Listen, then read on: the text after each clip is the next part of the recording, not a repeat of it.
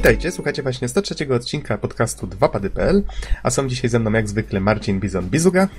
Witam wszystkich słuchaczy. Norbert Geksen-Jarzębowski. Siema. I Bartłomiej Donsot-Tomycyk. Halo, halo. A mówi Adam Noxa 15 Dębski. Nagrywamy w poniedziałek 11 marca 2013.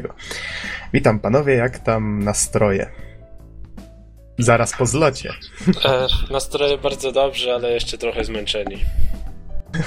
Tutaj wytłumaczę, że urządziliśmy sobie w ten weekend dwupadowy zlot, już któryś z kolei. Tym razem balowaliśmy u Bizona. No i co, dzisiaj będziemy pewnie próbowali jakoś tak podsumować, jakie żeśmy pozycje tam no, testowali A to duże słowo. tego naprawdę sporo. No, ogarnialiśmy naprawdę straszne ilości gier. Okej, okay, to panowie, przejdźmy może w takim razie najpierw do newsów, żeby troszeczkę tutaj zacząć standardowo. Co tu się ostatnio działo? Ja może tak najpierw szybko przejdę do rzeczy, o których żeśmy wspominali już poprzednio. Mianowicie wspominałem o tym, że Deus Ex pojawił się nowy podtytuł Deus Exa zarejestrowany przez Square Enix.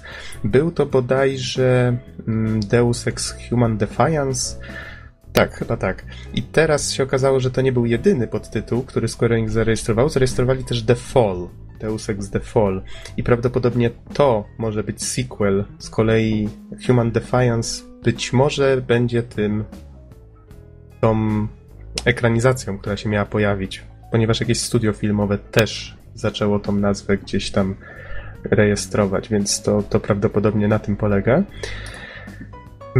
Kolejna rzecz, mianowicie cała ta dyskusja o mikrotransakcjach, o DLC, pamiętacie jak żeśmy dyskutowali, prawda? Poprzednio. No właśnie, to pojawiło się sprostowanie od Blake'a Jorgensena, który zajmuje się finansami w EA.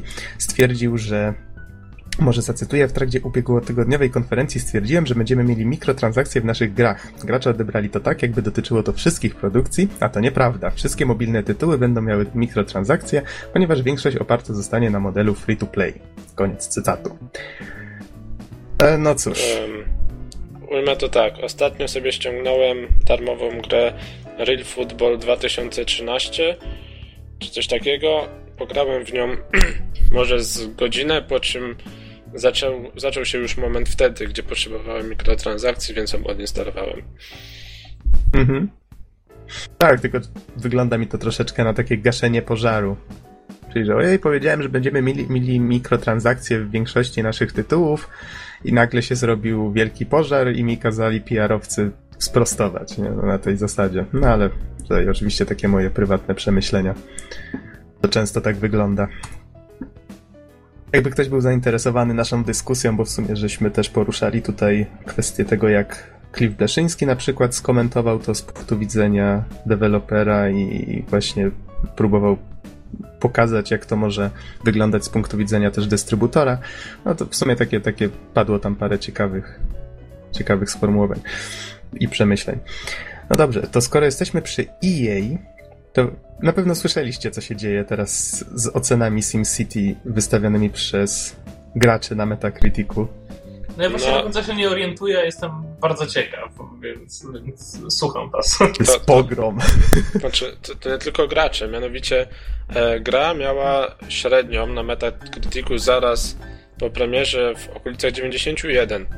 Ogólnie jest to bardzo dobra gra, e, mhm. aczkolwiek pojawiły się pewne problemy, mianowicie podczas premiery serwery nie wytrzymały i w sumie do dzisiaj, już kilka dni później, nadal zdarzają się dość częste awarie e, serwerów. No i nie byłoby w tym żadnych problemów, gdyby nie fakt, że gra, mimo że jest single player, to trzyma savey na serwerze EA i jeżeli nie masz połączenia z serwerem, nie możesz grać.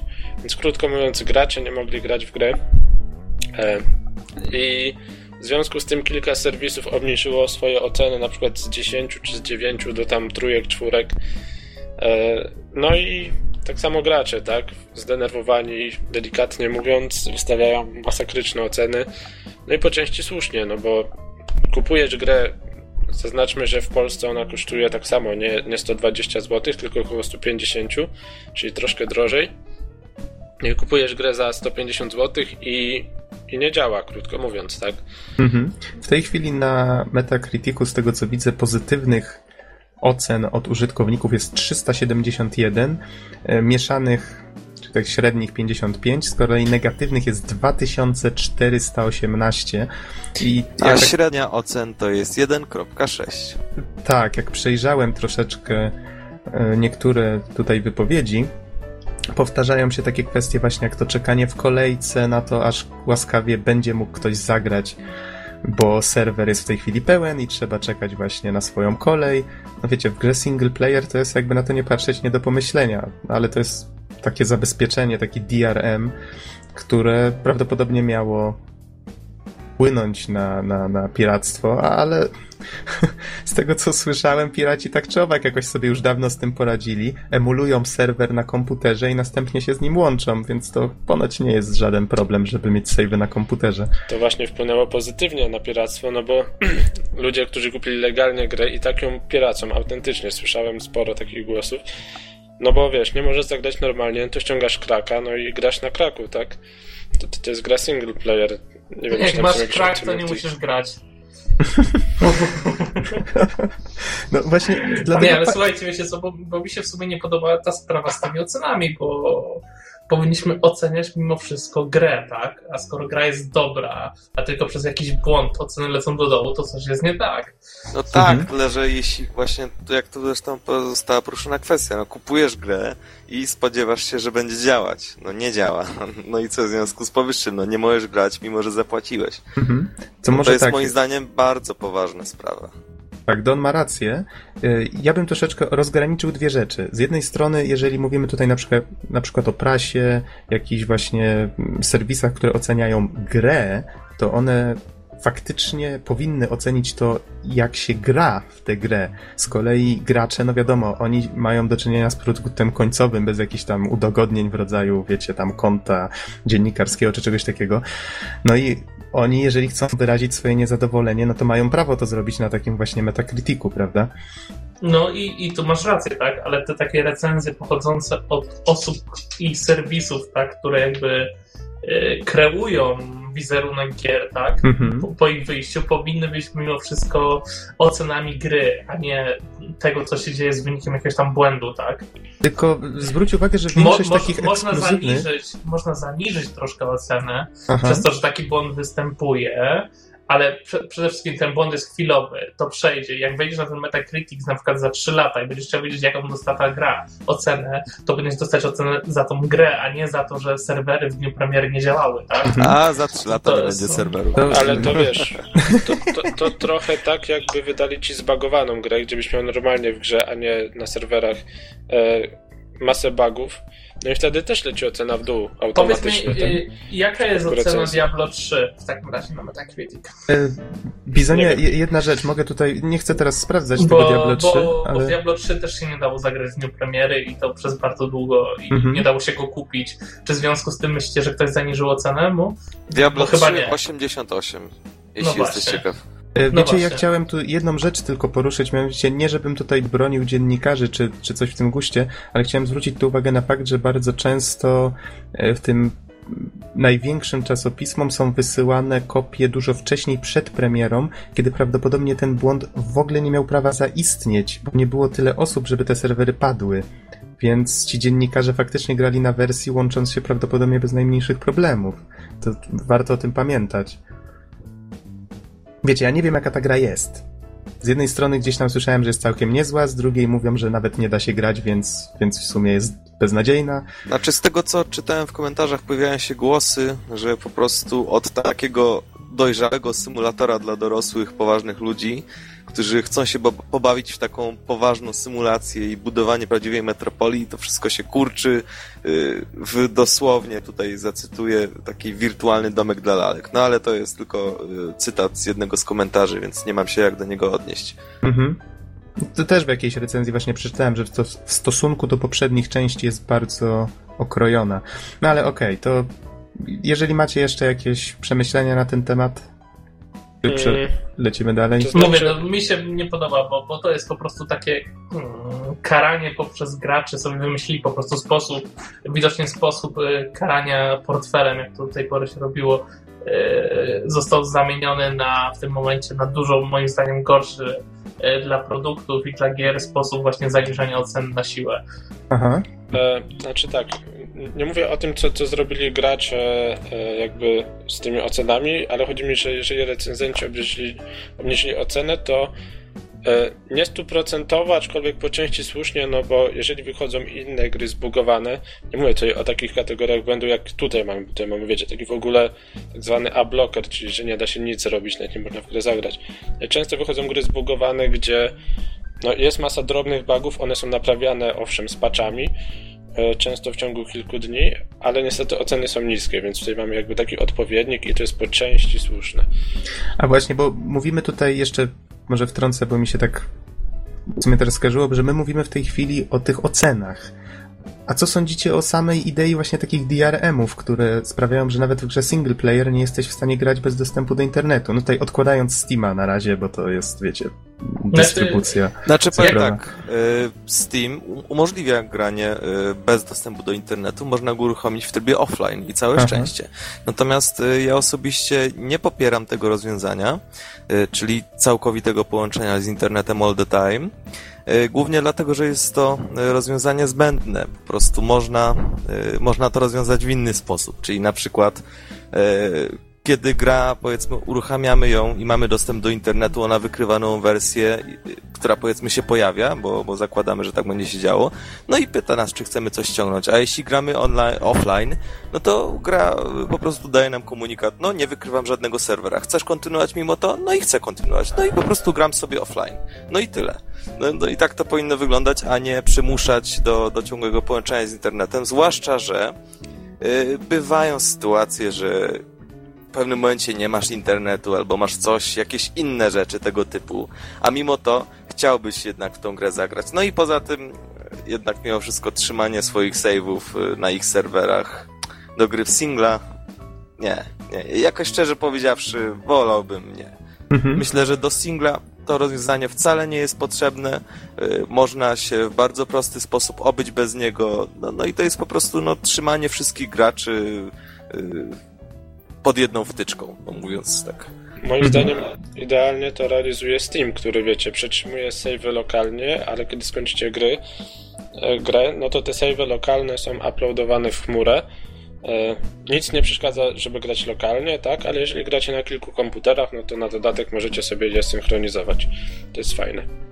Znaczy, no spójrzmy szczerze, to, to miał być jakiś tam rodzaj zabezpieczenia. Jak pokazali piraci, jest to żadne zabezpieczenie, bo właściwie oni mają lepiej, więc gdzie jest sens w ogóle stosowania takich zabezpieczeń?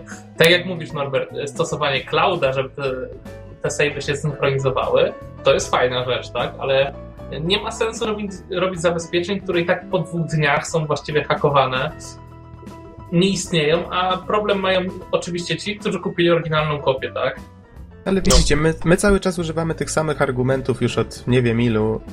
EA tak naprawdę, i nie tylko my zresztą, EA tak na dobrą sprawę już od dawna zostaje głuche na to, więc no, no nie powiem wiem, wam, warto. że, że, ten, że ostatnio jak poruszyliśmy tę dyskusję, też jakiś czas temu, chyba przy okazji Diablo 3, miałem dokładnie takie same stanowisko i powiem wam szczerze, że teraz, kiedy patrzę na ten czerwony znak i ocenę 1.6, to jednak mimo wszystko taki, odczuwam taki sympatyczny uśmieszek z tych graczy, którzy to zrobili. Znaczy, powiem, że duchowo pewien sposób trochę ich popieram, bo jednak mimo wszystko to mhm. łączenie się cały czas. Nie, nie, to, to, to, to nie jest przyszłość, to jest, y, to jest bardzo złe moim zdaniem, niepotrzebne, zbędne i przeszkadzające wszystkim tak naprawdę, więc mhm. osobiście mam nadzieję, że jeśli EA tego y, jeśli to wydarzenie nie nauczy czegoś EA, to przynajmniej nauczy inne firmy, które porządnie się zastanowią zanim, zanim coś takiego zaczną robić. O, to słuchajcie, to... Ubisoft się nauczył?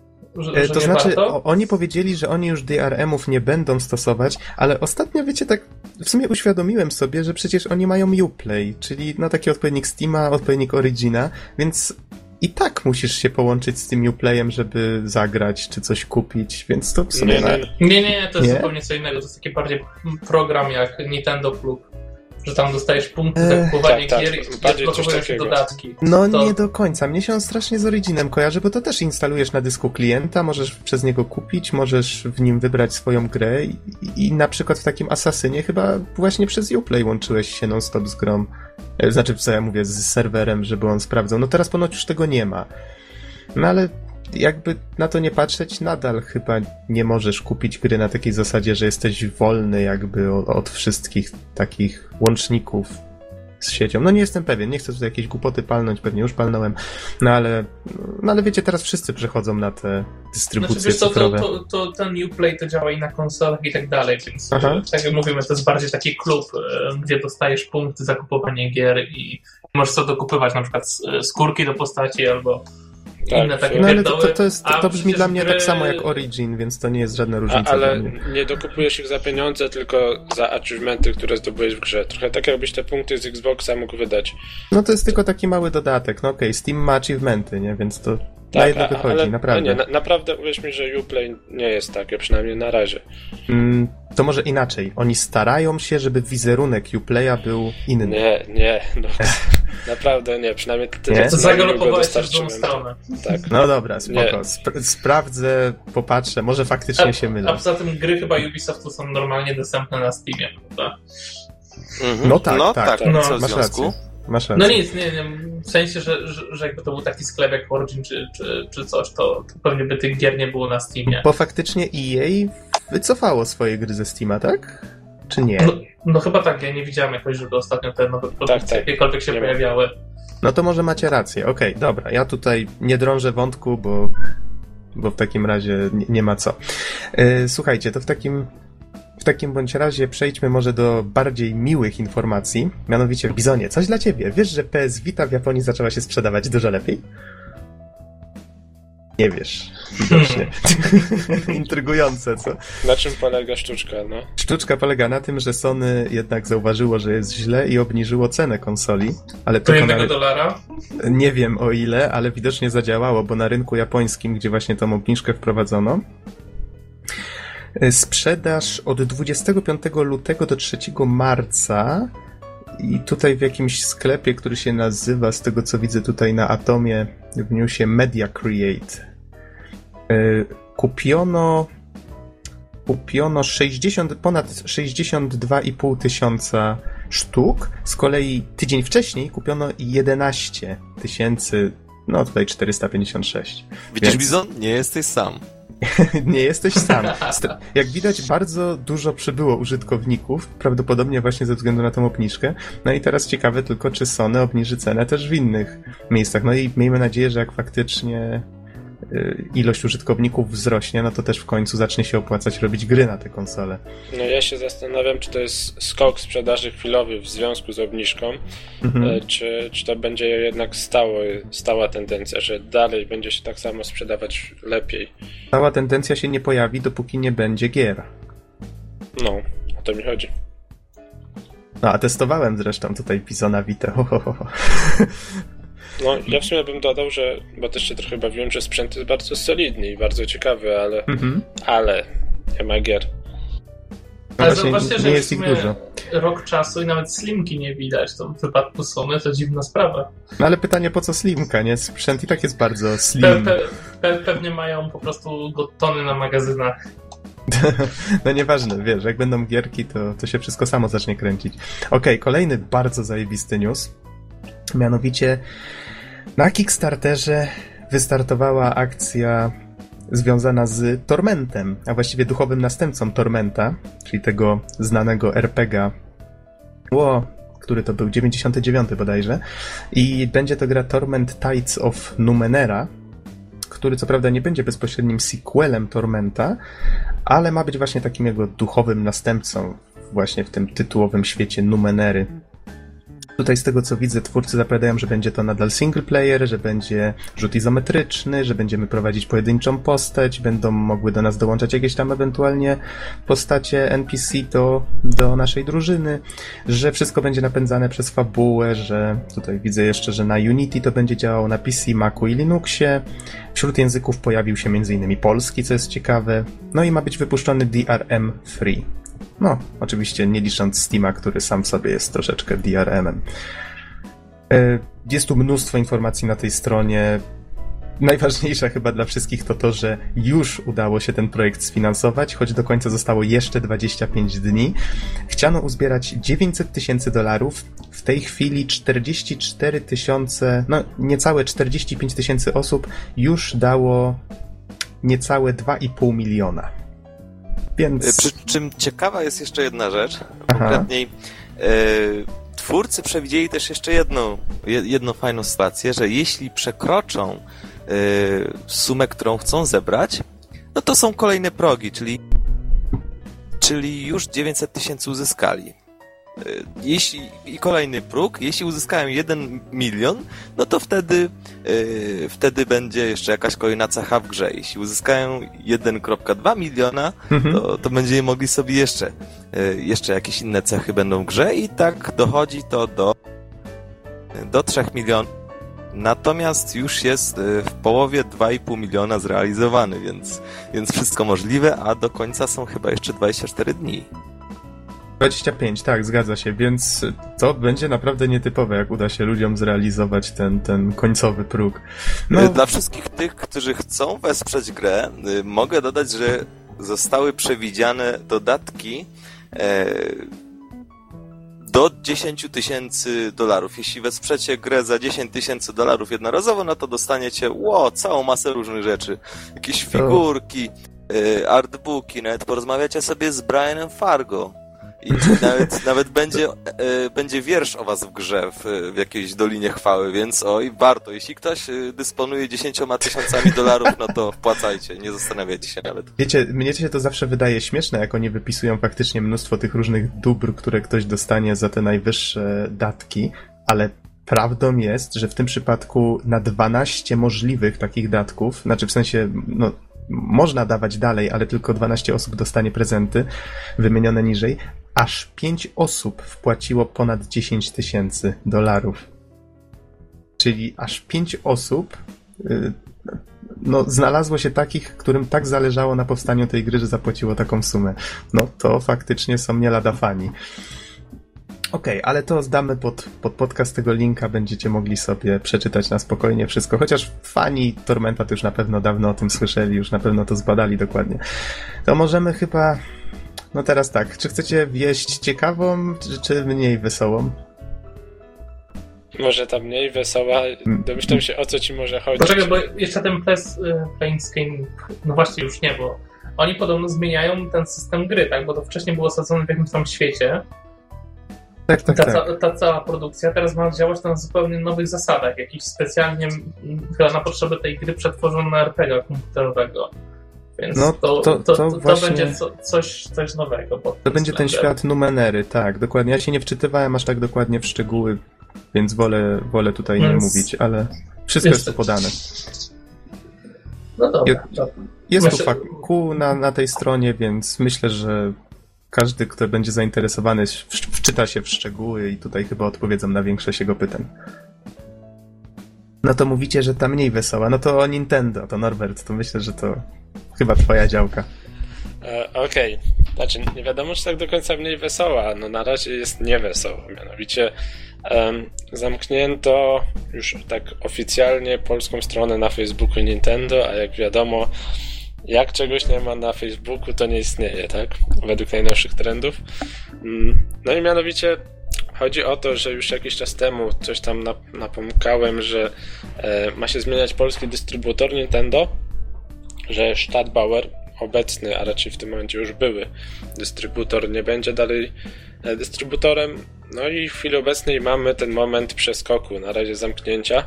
Została tylko jakaś notka na, na fejsie, że E, odnosząca nas do jakiejś europejskiej strony Nintendo, że pracują nad zmianą, mm, że niedługo mają coś tam niby wprowadzić. Aczkolwiek nie wiem, ile jest tym marketingowego gadania, a ile prawdy, tak? Idealnie byłoby, żeby w końcu otworzyli polski oddział Nintendo, jednak taki prawdziwy, prawdziwy, z Nintendo Clubem. Nie wiem, czy to się uda, szczególnie, że, że Nintendo ostatnio nie przejdzie, nie przejdzie jakoś super, ale na to tak po cichu, po cichu liczę. Mhm. Więc informacja jest taka, że zamknięto na razie i czekamy na kolejne wieści. Zobaczymy, co, co w tym temacie się będzie działo. Okej. Okay. To w takim razie możemy przejść do tej bardziej wesołej wieści. Pamiętacie, jak e, rozmawialiśmy o To the Moon? Tej takiej nietypowej gierce opartej na fabule, emocjach, no tak, tak. RPGowym stylu. E, mówiłem wtedy, że twórca już zapowiedział, że będzie To The Moon 2. Z kolei jego premierę to ma poprzedzić... Tak, tak. Z kolei jego jego premierę ma poprzedzić premiera jeszcze innej, ale mniejszej gierki, która miała się nazywać A Bird Story. I ta gra została właśnie zapowiedziana już oficjalnie. Pojawił się pierwszy filmik, który przedstawia menu tej gry, a właściwie jego głównym celem jest pokazanie, zaprezentowanie muzyki, która w nim gra. No jak zwykle trzyma poziom, tak jak w przypadku To The Moon. I no, cieszy, że, że ta gra nadchodzi ma się ukazać w połowie 2013.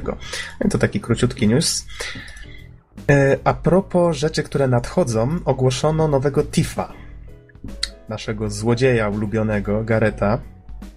To mnie osobiście strasznie, strasznie cieszy, bo już od, od dłuższego czasu jakieś tam pogłoski były, że o, niby robią tego Tifa, niby go nie robią. Teraz już wszystko jest pewne. Ma powrócić w 2014 roku na PC konsola nowej generacji. Pojawił się jakiś filmik, w sumie nie, nie, nie wiem, czy filmik się pojawił, na pewno dużo screenów się pojawiło. Nie wiem, patrzyliście, czy jakiś zwiastun, czy coś w tym stylu już jest? Nie, nie, niestety, nie widziałem zwiastun. Mhm. W każdym razie wszystkie linki, jakie, jakie znajdę, to wrzucę pod podcast. Będzie można je zbadać. E, z takich informacji nie będę się może zagłębiał w szczegóły na temat tego, co tutaj Game Informer, który oczywiście zdobył wyłączność na, na zapowiedź, wypisał. W dużej mierze, jak to czytałem, to skojarzyło mi się to właśnie z poprzednimi częściami. Ponoć twórcy mają tylko pomysł na to, żeby troszeczkę ograniczyć te wątki paranormalne, które wcześniej były dość wyraźne. No zobaczymy, co im z tego wyjdzie. Wygląda to na razie dość klimatycznie. Mam nadzieję, że faktycznie gra będzie trzymała poziom. To raczej nie wątpię. Hmm, co ja tu jeszcze mam? Właściwie dwa newsy i parę filmików. Yy, jeden news, który no właściwie taki troszeczkę PETA, czyli ta organizacja ochrony nad zwierzętami, jak zwykle nas tutaj graczy nie rozpieszcza.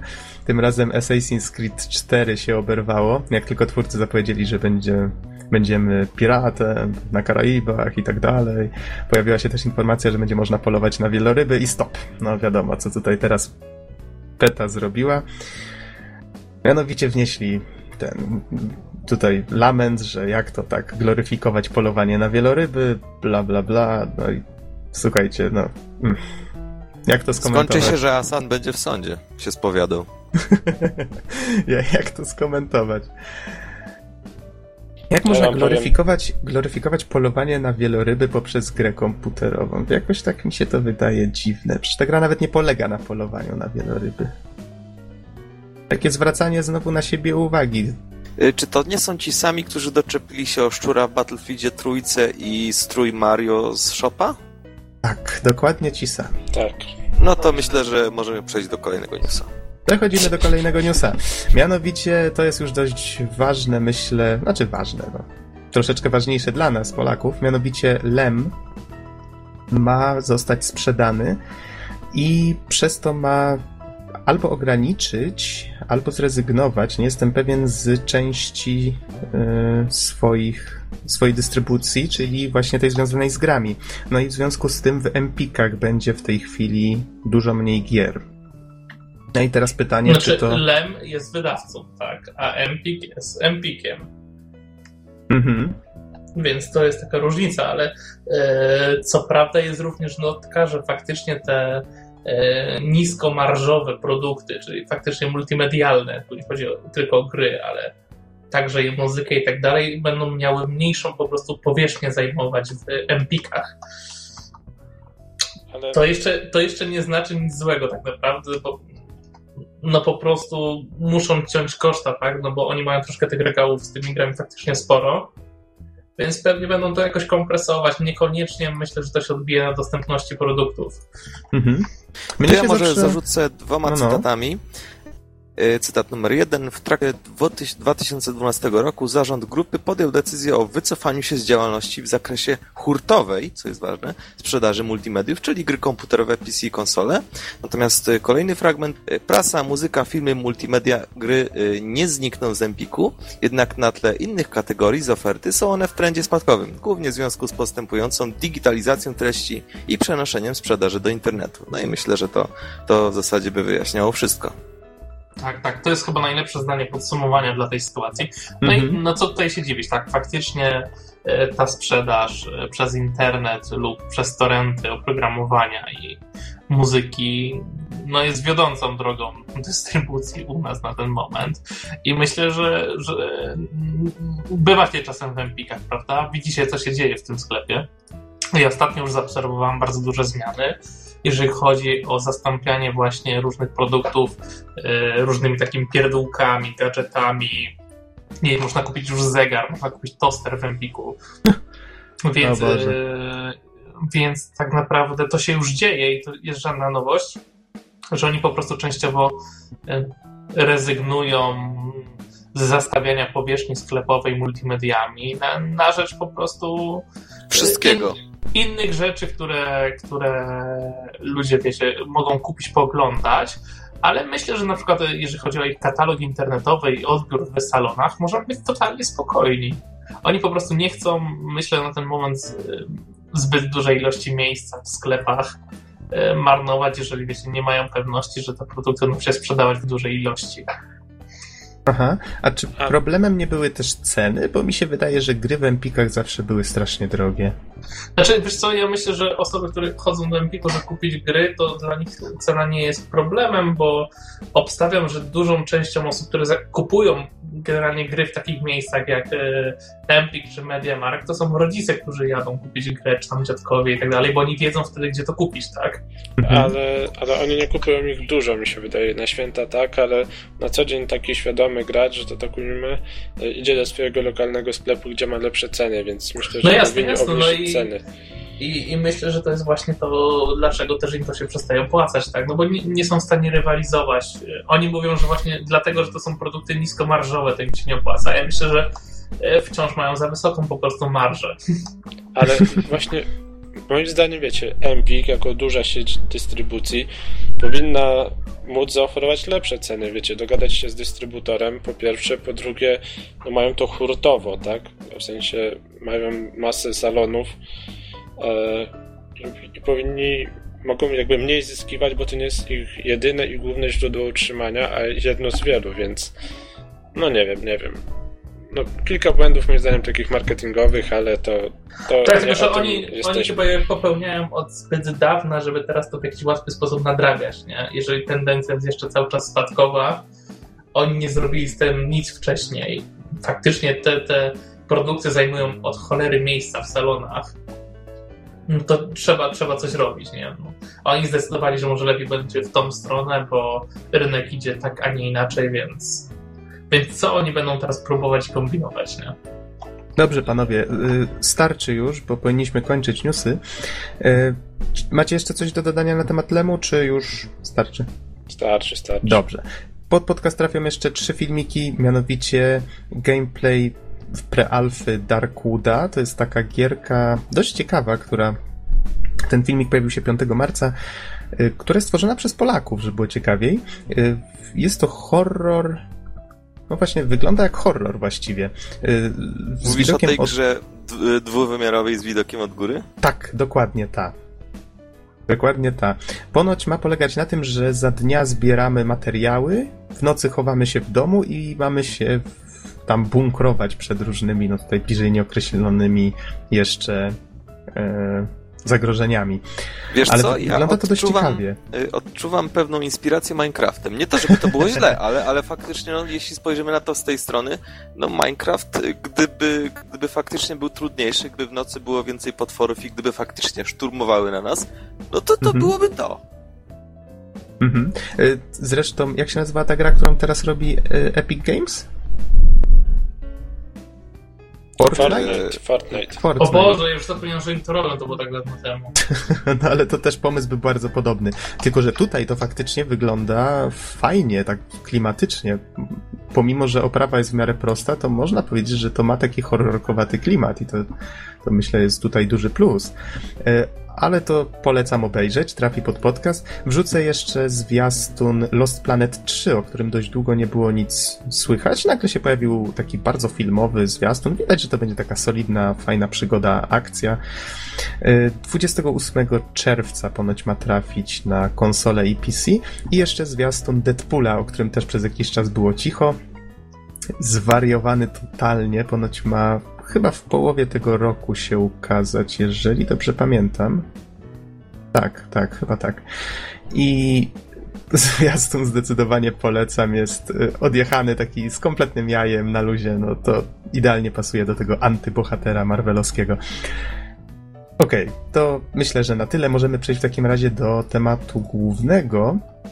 Nie wiem, czy uda nam się dzisiaj jakieś recenzje zrobić poza tymi naszymi zjazdowymi, ale zobaczymy. Wydaje mi się, że chyba się, się, skupimy jednak dzisiaj na zjeździe, no bo graliśmy jednak masę różnych gier. Ile tego jest? Raz, dwa, trzy, cztery. Pff, dobra, nie chce mi się liczyć.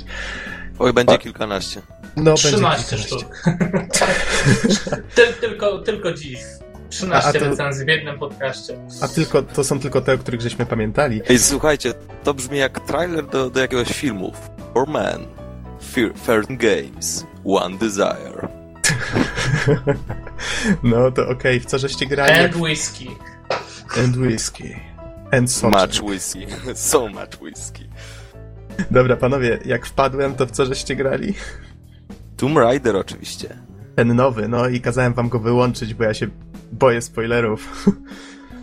No powiedzcie, jak generalnie... Wam, jak wam się No podobał? właśnie, jak to wygląda? Takie to pierwsze wygląda wrażenie. to tak, mhm, że y, ta stara seria Tomb Raidera, mówię tutaj w zasadzie o tej średniej, czyli, czyli Legend, The Underworld i Anniversary, y, przy tym nowym wygląda troszeczkę jak plac zabaw. To znaczy, no wiecie, tutaj drabinka, tutaj linka, tutaj drążek, a, a w tym nowym właśnie jest budowany cały czas ten nastrój niepokoju, brudu, zmęczenia i wręcz morderczej walki o przeżycie, co to jest ja widziałem zaledwie, nie wiem, 20-30 minut gameplayu i, i faktycznie to wrażenie jednak tam jest.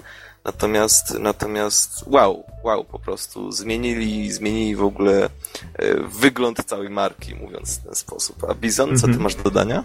No przede wszystkim zapomnijcie o Tomb Raiderze, jakim był Tomb Raider do tej pory, tak? To, to jest inna gra, y, ta sama bohaterka, niby te same realia przygodowe, ale faktycznie gra jest niesamowita, bardziej nawiązuje do Uncharted, y, chociaż wydaje mi się, że jeżeli chodzi o klimat, jest ciekawsza i poważniejsza fabularnie. Mm -hmm. Bardzo, bardzo, bardzo dobre wrażenie robi praca kamery, jest taka bardzo filmowa i połączenie tego z takim brudnym klimatem, dość sporą ilością brutalności daje naprawdę świetny efekt i no, no, mi się bardzo podoba. No, pierwsze dwie godziny trzymają poziom. E, z tego co słyszałem, dużo znajomego jest tak przez całe 15 godzin grania, co wydaje mi się niesamowitym wynikiem. Na pewno skończę całą grę i możecie się spodziewać niedługo recenzji ode mnie. No, Coś ja mi się wydaje, że wszyscy zrobimy recenzję na tym samym podcaście. No ja jutro planuję lecieć do sklepu, więc może się faktycznie zgramy i, i byłoby fajnie. No nie, no, głosy mówią, że to jest najlepsza gra, jaka wyszła w tym roku. Ja wiem, że to jest dopiero początek, ale tak, to, to jest kawał dobrej produkcji i ktoś nie spieprzył sprawy. Po prostu mhm. to jest reboot serii, jaki powinien być. Słuchajcie, mało tego, nawet Rezil tutaj zaproponował, czy, czy byśmy go, wiecie, nie chcieli zaprosić na pogadankę właśnie o Tomb Raiderze, więc może faktycznie zrobimy taki odcinek poświęcony A byłeś tej nowej grzeczny? Pozdrawiamy Rezila. No i czy coś jeszcze na temat Tomb Raidera, czy... Myślę, że poświęcimy mu tam któryś odcinek, Norbert, więc chyba nie ma... Po, jakieś takie pierwsze wrażenie? No właśnie, nie, no, no, Naprawdę fajnie, fajnie wyglądało, co mhm. widziałem.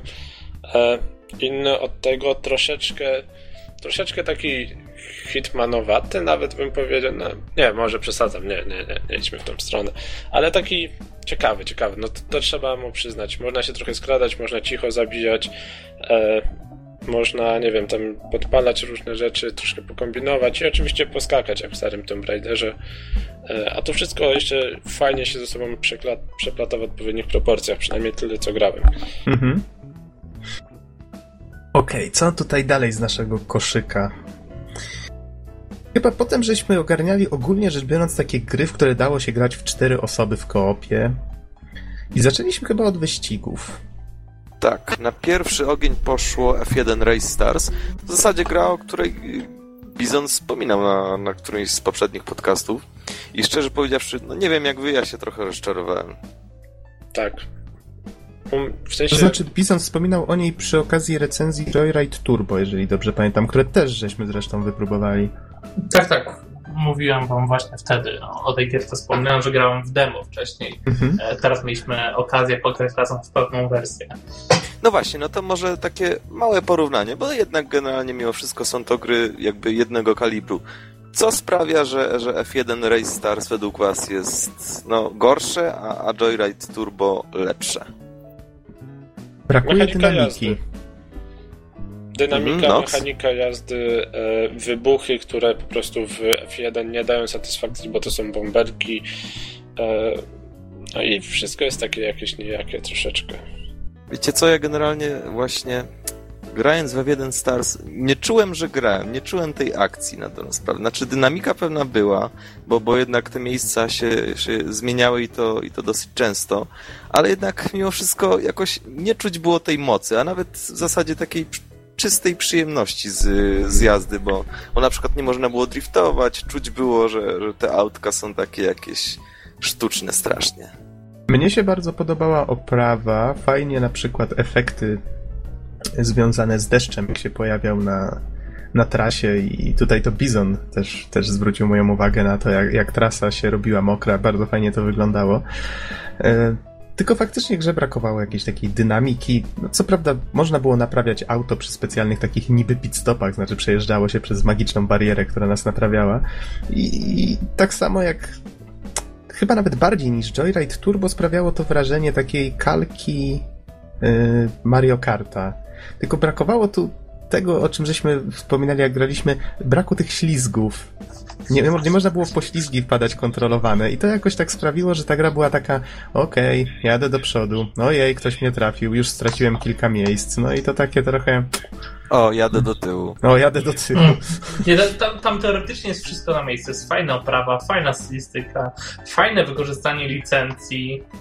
W sumie te power-upy, no powiedzmy, że też nie są złe. Trasy są teoretycznie ciekawie zaplanowane.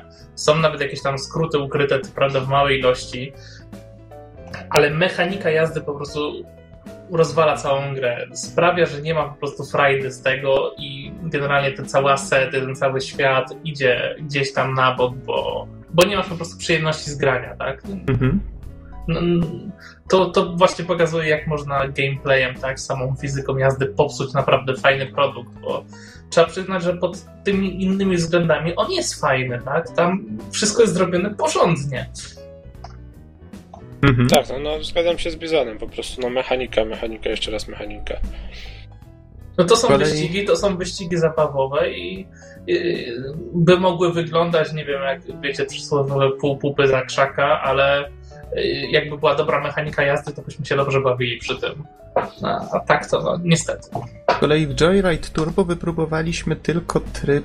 Yy, znaczy, ty Bizo nie grałeś w to dużo więcej, ale my żeśmy znaczy, wypróbowali. Nie, nie. Jak ty przyszedłeś, to próbowaliśmy ten tryb. Wcześniej, Aha, czyli... z, wcześniej z Norbertem i Zasią zdążyliśmy yy, pograć w normalne wyścigi.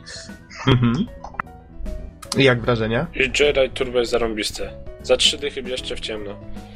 W sensie, jeżeli możecie pograć w kilka osób, nie, nie, wiem jak na single, ale w kilka osób się bardzo przyjemnie gra. Aha. Pozdrawiam i polecam Norbert Jarzębowski. Tak jest. Ale nie, dosłownie, tam jest dynamika, tam, y, tam nie dość, że mamy driftowanie, którym nabijamy nitro. Mhm. Y, nitro nabijamy też robiąc triki w powietrzu, jak wyskakujemy. Y, to są dużo bardziej widowiskowe i mocne power-upy. E, trasy są tak skonstruowane, że po prostu jest masa skrótów, jakichś wyskoczni, e, cudów, niewidów i, i gra się bardzo dynamicznie i naprawdę jest ma, masa radochy. I tutaj, no pod tym względem faktycznie pełna dyskwalifikacja F1. Tak, i też czujesz, że ty prowadzisz samochód, nie są taki jakiś, nie wiem, no w tym w F1 nie czuło się tego samochodu, tutaj się faktycznie fajnie czuje ten samochodzik. Tak, bo e, on bardzo szybko reaguje, nie, na wszystkie ruchy, prawo, lewo, ten model, model jazdy jest, tak, jest fajniutki. No. Powiem wam, że gdybym, e, gdybym miał do czynienia z tą grą i po prostu miał taką sytuację, że, że powiedzmy e, dostaję mapkę, dostaję auto, no i baw się, nie? No to sam, sam fakt pobijania własnych rekordów czasowych swoich e, i odkrywanie skrótów, no i oczywiście sama jazda sprawiała mi, sprawiałaby, sprawiałaby mi o wiele więcej fanu. Naprawdę, już ta podstawowa funkcja została pięknie spełniona, no a reszta to jest po prostu rozwinięcie, czyli innymi słowy, tak, mi też się podobało. Bo, bo, my potem graliśmy w takim drugim trybie jakby otwartej areny, gdzie sobie skakaliśmy w kółko, zbieraliśmy jakieś tam pucharki, e, przeskakiwaliśmy monetki, tutaj jakieś pudełeczka. Generalnie taki freeride e, po takim torze przeszkód, e, bez jakiegoś tam celu do końca, po prostu dla zabawy. I, I tutaj właśnie fajnie można było zaobserwować, jak dobrze jest zrobiona fizyka jazdy tymi samochodzikami. No, ale mhm. dobra, może zostawmy. Bardzo fajna gierka, krótko mówiąc. To, słuchajcie, w takim razie nie wiem, czy będziemy lecieć tak, czy pamiętacie w co graliśmy, w jakiej kolejności, czy może najpierw wyścigi, czy... Bo w sumie można pogrupować troszeczkę tak te gry, które graliśmy, tak o, o dziwo sporo było gier o zombie. Tak, Zastraszająco tak. dużo. Ogólnie sporo gier zombie, ale, ale może faktycznie pokrupujmy i co nam zostało z wyścigów. Na pewno Forza Horizon i nowy Most Wanted. Demko. Trzeba zaznaczyć, że demko, tak? Graliśmy tak, oba demko. I Most Wanted również demko. Mhm. Zgadza się. Y, do obu ja, szczerze powiedziawszy, bardzo się napaliłem. Y, gdyż, gdy usłyszałem Forza Horizon, od razu mi się skojarzył taki, no, symulator. Nie wiem, czy dobrze, czy dobrze kojarzę, ale, ale miałem takie wrażenie, że to będzie coś bardziej złożonego. A kiedy zobaczyłem Most Wanted, to oczywiście też, yy, też mi się miło zrobiło, że będę mógł sobie to zobaczyć i, i ograć. Yy, no, ale zaczynając od Forza Horizon, yy, no fizyka jest na pewno bardziej złożona niż w F1 Race Stars na, na pewno. Yy, I co, co zauważyłem? Przede wszystkim mamy otwarty świat, yy, mamy kilka aut do wypróbowania. Generalnie bardzo przyjemnie się jeździ. Fizyka jest bardzo przyjemna, grafika także. Yy, I generalnie moje wrażenia, jakby to oscyluje tak troszeczkę wokół, wokół test drive tych nowszych. Jest otwarty świat, są różne eventy wyścigowe, coś w ten desen. I generalnie gra pozostawiła bardzo miłe wrażenie, chociaż było to tylko demko. Nie wiem jak wam, ale mi się grało bardzo przyjemnie. Mówisz o Horizon, tak? Tak.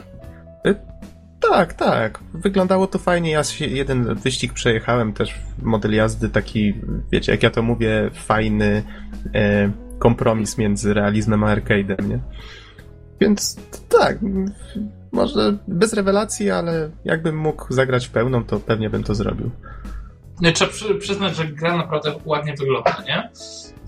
Nieźle, nieźle. Mhm. Mi, mi się wyjątkowo jakoś podoba graficznie ta produkcja. Powiedział, ile lat ma play, y, Xbox, to, to, to faktycznie jest to śliczna pozycja. Widzę, że mój cały weekend na wijaniu o, o playce zrobił swoje, już zaczyna ci się mylić. o trolololololo. Lolololo. Trolololo, dobra, przejdźmy dalej. Y, Most Wanted, tak? No właśnie, to jest druga produkcja, którą chciałem koniecznie zobaczyć i chyba nawet, y, chyba nawet dodałem na, na podsumowaniu rocznym, że na pewno jest to gra, którą chcę nadrobić i zobaczyć. Mhm. Y, no więc tym bardziej zaciekawiony i wręcz dosłownie zaaferowany tym, jaki, jaki jest ten nowy Most Wanted. Uruchomiłem demko i o mój Boże, jak się zawiodłem. Aha. Na drugą sprawę y, twórcy zerwali praktycznie e, z całą tradycją Most Wanted, jaką, jaką widzieliśmy w pierwszej grze. E, to znaczy, niby mamy tą listę 10 kierowców najlepszych, e, których trzeba pobić, a przynajmniej tak to wynika z intra, na którym, no, chyba miła pani nam powiedziała o co chodzi. Natomiast cała gra jest w zasadzie takim Burnout Paradise. Tak się nazywa. Trzeba tutaj, tak, tak, przy okazji trzeba wspomnieć, że faktycznie robili to ci sami ludzie. Mhm. Tak, te, te, zarówno y, Need for Speed, jak i y, Burnout był robiony przez EA,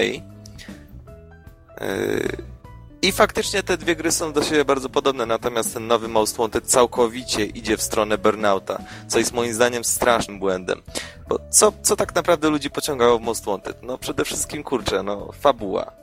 Naprawdę, no mimo wszystko fabuła bardzo, bardzo wciągała i, i zawsze trzeba, zawsze się człowiek starał, żeby gdzieś te wyścigi kończyć i tak dalej. Podjeżdżało do to warsztatu, ulepszał auto Taki... i tak dalej, i tak dalej pierwszy Need for mhm. Speed z taką bardziej rozbudowaną fabułą, nie? Jeżeli dobrze tak. kojarzę. I, i naprawdę y, z, z, z, takim, no wiecie, z całkowitym zaangażowaniem dochodziło się do ostatniego wyścigu i co będzie dalej, co będzie dalej. Natomiast tutaj, y, jak powiedziałem, gra idzie całkowicie w stronę Burnout y, Paradise, co, no i skutkuje to tym, że aut, no przynajmniej w demku, nie kupujemy, tylko przesiadamy się do nich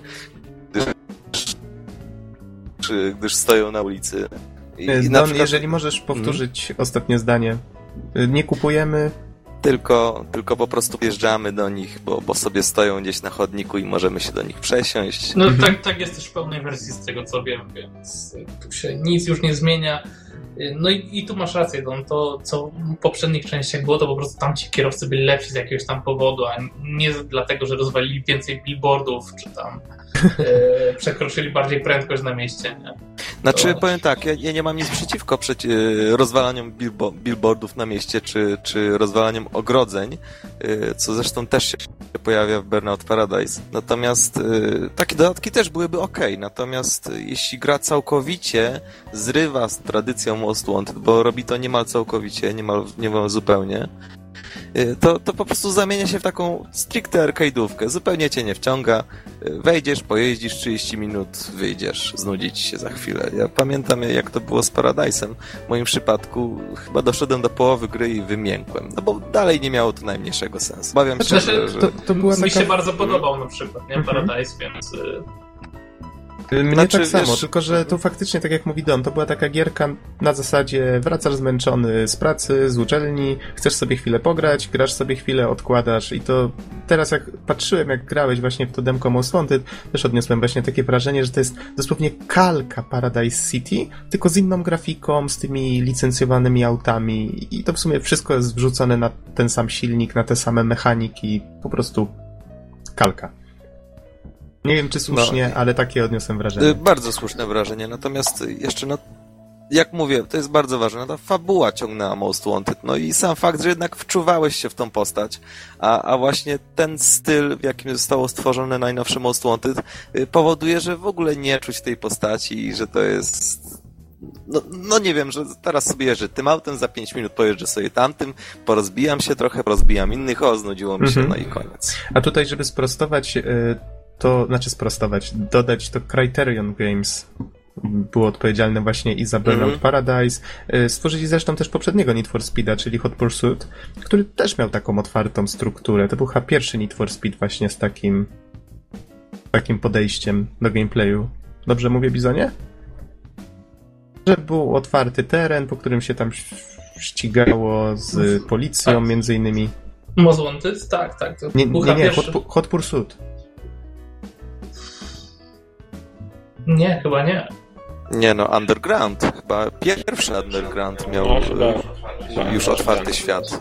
No właśnie. Nie, nie, pierwszy nie, drugi, faktycznie, macie rację, ale drugi już miał. Mhm. Tylko nie wiem, czy któryś przed nim nie miał. Nie miał pierwszy otwartego świata? A to, co mi się podobało A nie, w Hot faktycznie Pursuit... nie miał. Dwójka dopiero wprowadziła otwarty świat. Tak, tak. To co, mi się, to, co mi się podobało w Hot Pursuit tym nowym, to właśnie było to, że y, był ten fajny sposób wymiany E, wyników z friendsami, na zasadzie, że tylko osoby z listy przyjaciół były podawane e, jako te, z którymi rywalizowałeś bezpośrednio i ty pobiłeś te, rekord tego i tego, tamten dostawał twój znajomy wiadomość, że pobiłeś jego rekord o tyle i tyle i czy chcesz podjąć wyzwanie, nie? No to, to było całkiem, całkiem miłe. I napędzało przy okazji cały ten mechanizm. No tutaj pewnie to wszystko działa tak samo. Jak mi się przynajmniej wydaje. Ale no... no... Mhm podsumowując już moje pierwsze wrażenie raczej, że, że twórcy podejmą tą konwencję i zrobią naprawdę godny sequel do Most Wanted.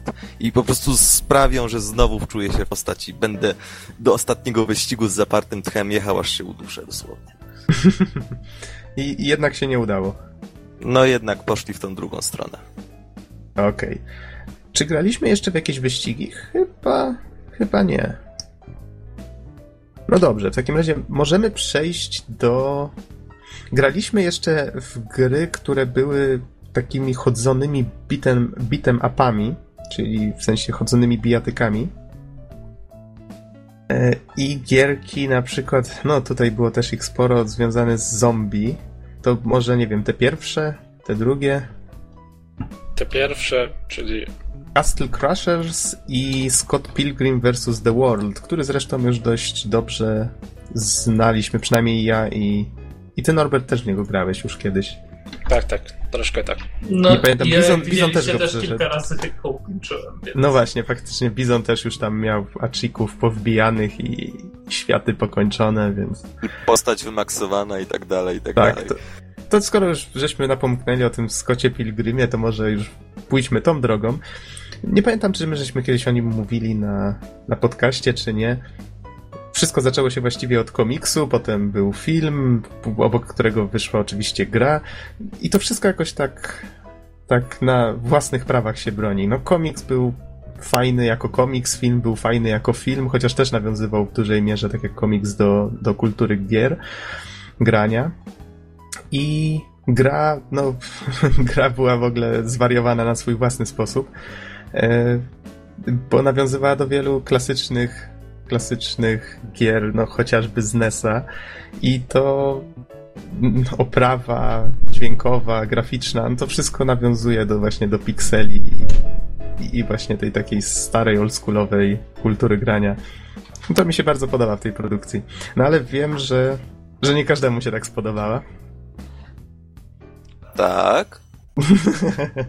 da, tak, Don, do ciebie piję. No ale e... powiedz właśnie, jakie były twoje odczucia, bo ty pierwszy raz grałeś. Mhm. Znaczy, no, generalnie rzecz biorąc, wszystkie te, tego typu beat'em up w dwóch wymiarach i właśnie w takim rzucie, i no takim trochę z boku po skosie, okay. no moim zdaniem to, to, to nie, nie, to jest wszystko więc w zasadzie chyba jedyna gra tego typu, jaką uznaję, to Little Fighter 2, która naprawdę niesamowicie sobie z tym radzi i, i jest niesamowicie grywalna. Natomiast co mnie troszeczkę w Skocie Pilgrimie drażniło, yy, ale to tylko odnośnie gry w czwórkę. Otóż mm -hmm. w mhm. zasadzie jedna ważna rzecz. Yy, były cztery postacie i całe, całe mnóstwo wrogów, oczywiście, z, z interaktywnym otoczeniem, yy, które się też zmieniało, co jak tak dalej, tak dalej. Ale co mnie raziło, to to, że całość była strasznie nieczytelna działo się na ekranie tyle, że, że zdarzało się, że przez dwie minuty grałem nie swoją postacią. Znaczy myślałem, że, że jestem tą, a jednak o, nie. I nagle widzę, że moja postać stoi gdzieś przy ścianie i, i wali, i, i wali w próżnię. Więc, więc to jest moim zdaniem poważna wada, aczkolwiek mhm. to, to było moje pierwsze, pierwsza styczność z tą grą, więc no myślę, że inaczej by nie było.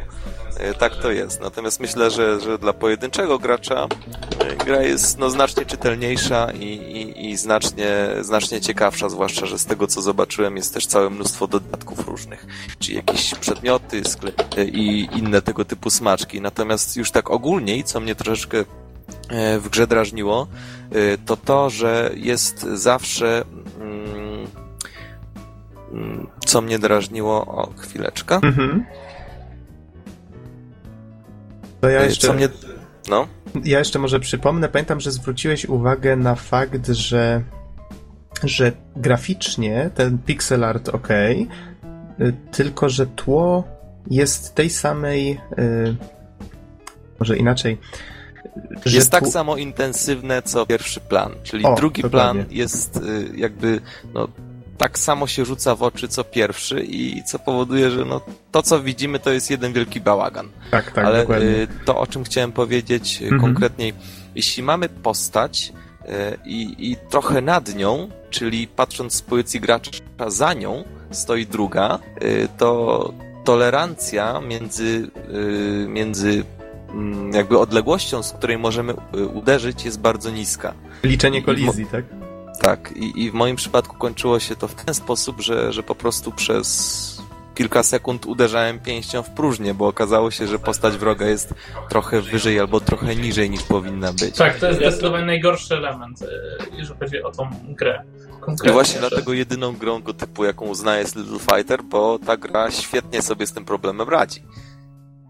Mhm. A zresztą z Little Fightera zapożyczono na przykład, znaczy zapożyczono, no to się pojawiało już wcześniej, ale mocno mi się skojarzyło właśnie z tym, z tą produkcją. E, podnoszenie przedmiotów, rzucanie nimi. Czy ja myślę, że to nie jest jakaś specjalna nowość.